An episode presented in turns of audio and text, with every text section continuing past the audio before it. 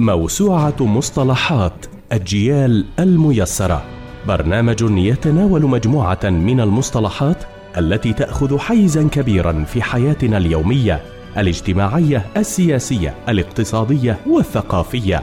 في كل حلقة نتناول مصطلحا لا بد وأنه مر على مسامعنا.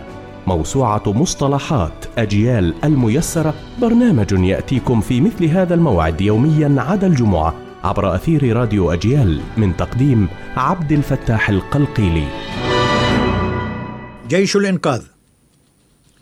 هو جيش شكلته عام 1947 اللجنة العسكرية للجامعة العربية من المتطوعين العرب.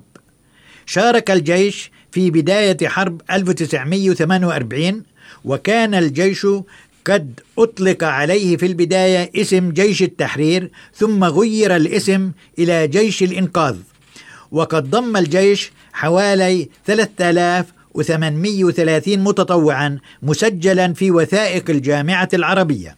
وبعد أخذ ورد تقرر تعيين فوز القاوقجي من مواليد طرابلس لبنان قائدا للجيش نظرا لسجله العسكري حيث كان ضابطا ممتازا وحاصلا على أوسمة في الجيش العثماني وشارك في الثورات السورية في الأعوام 1920 و 1925 وفي الثورة الفلسطينية 1936 وفي ثورة رشيد علي الكيلاني في العراق عام 1941 والأهم من ذلك كله قربه من الملك عبد الله ملك الأردن آنذاك. عارض الحج أمين الحسيني هذا التعيين بشدة وذلك لرواسب العلاقات التي كانت له مع القاوقجي عام 1936 في فلسطين. وأثناء ثورة رشيد علي الكيلاني في العراق عام 1941 حاول المفتي عبثا إقناع أعضاء اللجنة العسكرية للجامعة العربية بأن يتولى القائد الفلسطيني عبد القادر الحسيني قيادة المتطوعين ولكن مطالبه هذه رفضت. عندها أعلن المفتي عن إنشاء وحدات فلسطينية مستقلة بقيادة عبد القادر الحسيني وقدامى قادة فصائل ثورة 36 وأطلق عليها اسم جيش الجهاد المقدس. كانت وحدات جيش الإنقاذ لواءين في ثمانية أفواج. قيل وكتب الكثير عن هذا الجيش ولكن من الظلم بمكان أن نطلق صفة الجيش على بضعة آلاف من المتطوعين.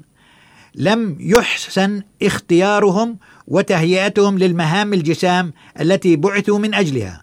وقد كان الحماس الشديد في بداية الأمر هو أهم ما ميز هذه الوحدات ولكن هذا الحماس سرعان ما خفت مع اصطدام أحلام هؤلاء المتطوعين بأرضية الواقع المرير الذي واجههم فور عبورهم نهر الأردن غربا نحو فلسطين.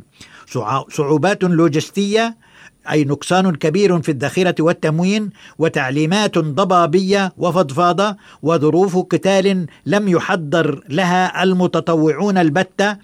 قادت كل هذه الصعوبات إلى هبوط حاد في المعنويات وإلى عصبية في السلوك والتصرف بحيث كان أول المعانين من ذلك هم المواطنون الفلسطينيون الذين فرض عليهم بإمكانياتهم الضئيلة سد ما نقص على هذا الجيش من مؤن ومعدات لوجستية أخرى. وهناك شهادات عديدة من قرى كثيرة أقام فيها جيش الإنقاذ. وقد كانت هناك صعوبات جمة في كل ما يتعلق بالانضباط. من ناحية الأداء في الميدان عانى هذا الجيش من مستوى معنوي منخفض وذلك بعد الاحتكاكات الأولى التي جرت مع القوات اليهودية. الشيء الذي أدى إلى انتشار ظاهرة الفرار من الخدمة لدى أفراده. دخلت الأفواج الأراضي الفلسطينية الواحدة تلو الآخر ابتداء من 9 12 1947 وقد أمرته الجامعة العربية بالانسحاب عشية دخول وحدات نظامية عربية إلى فلسطين يوم 15 5 1948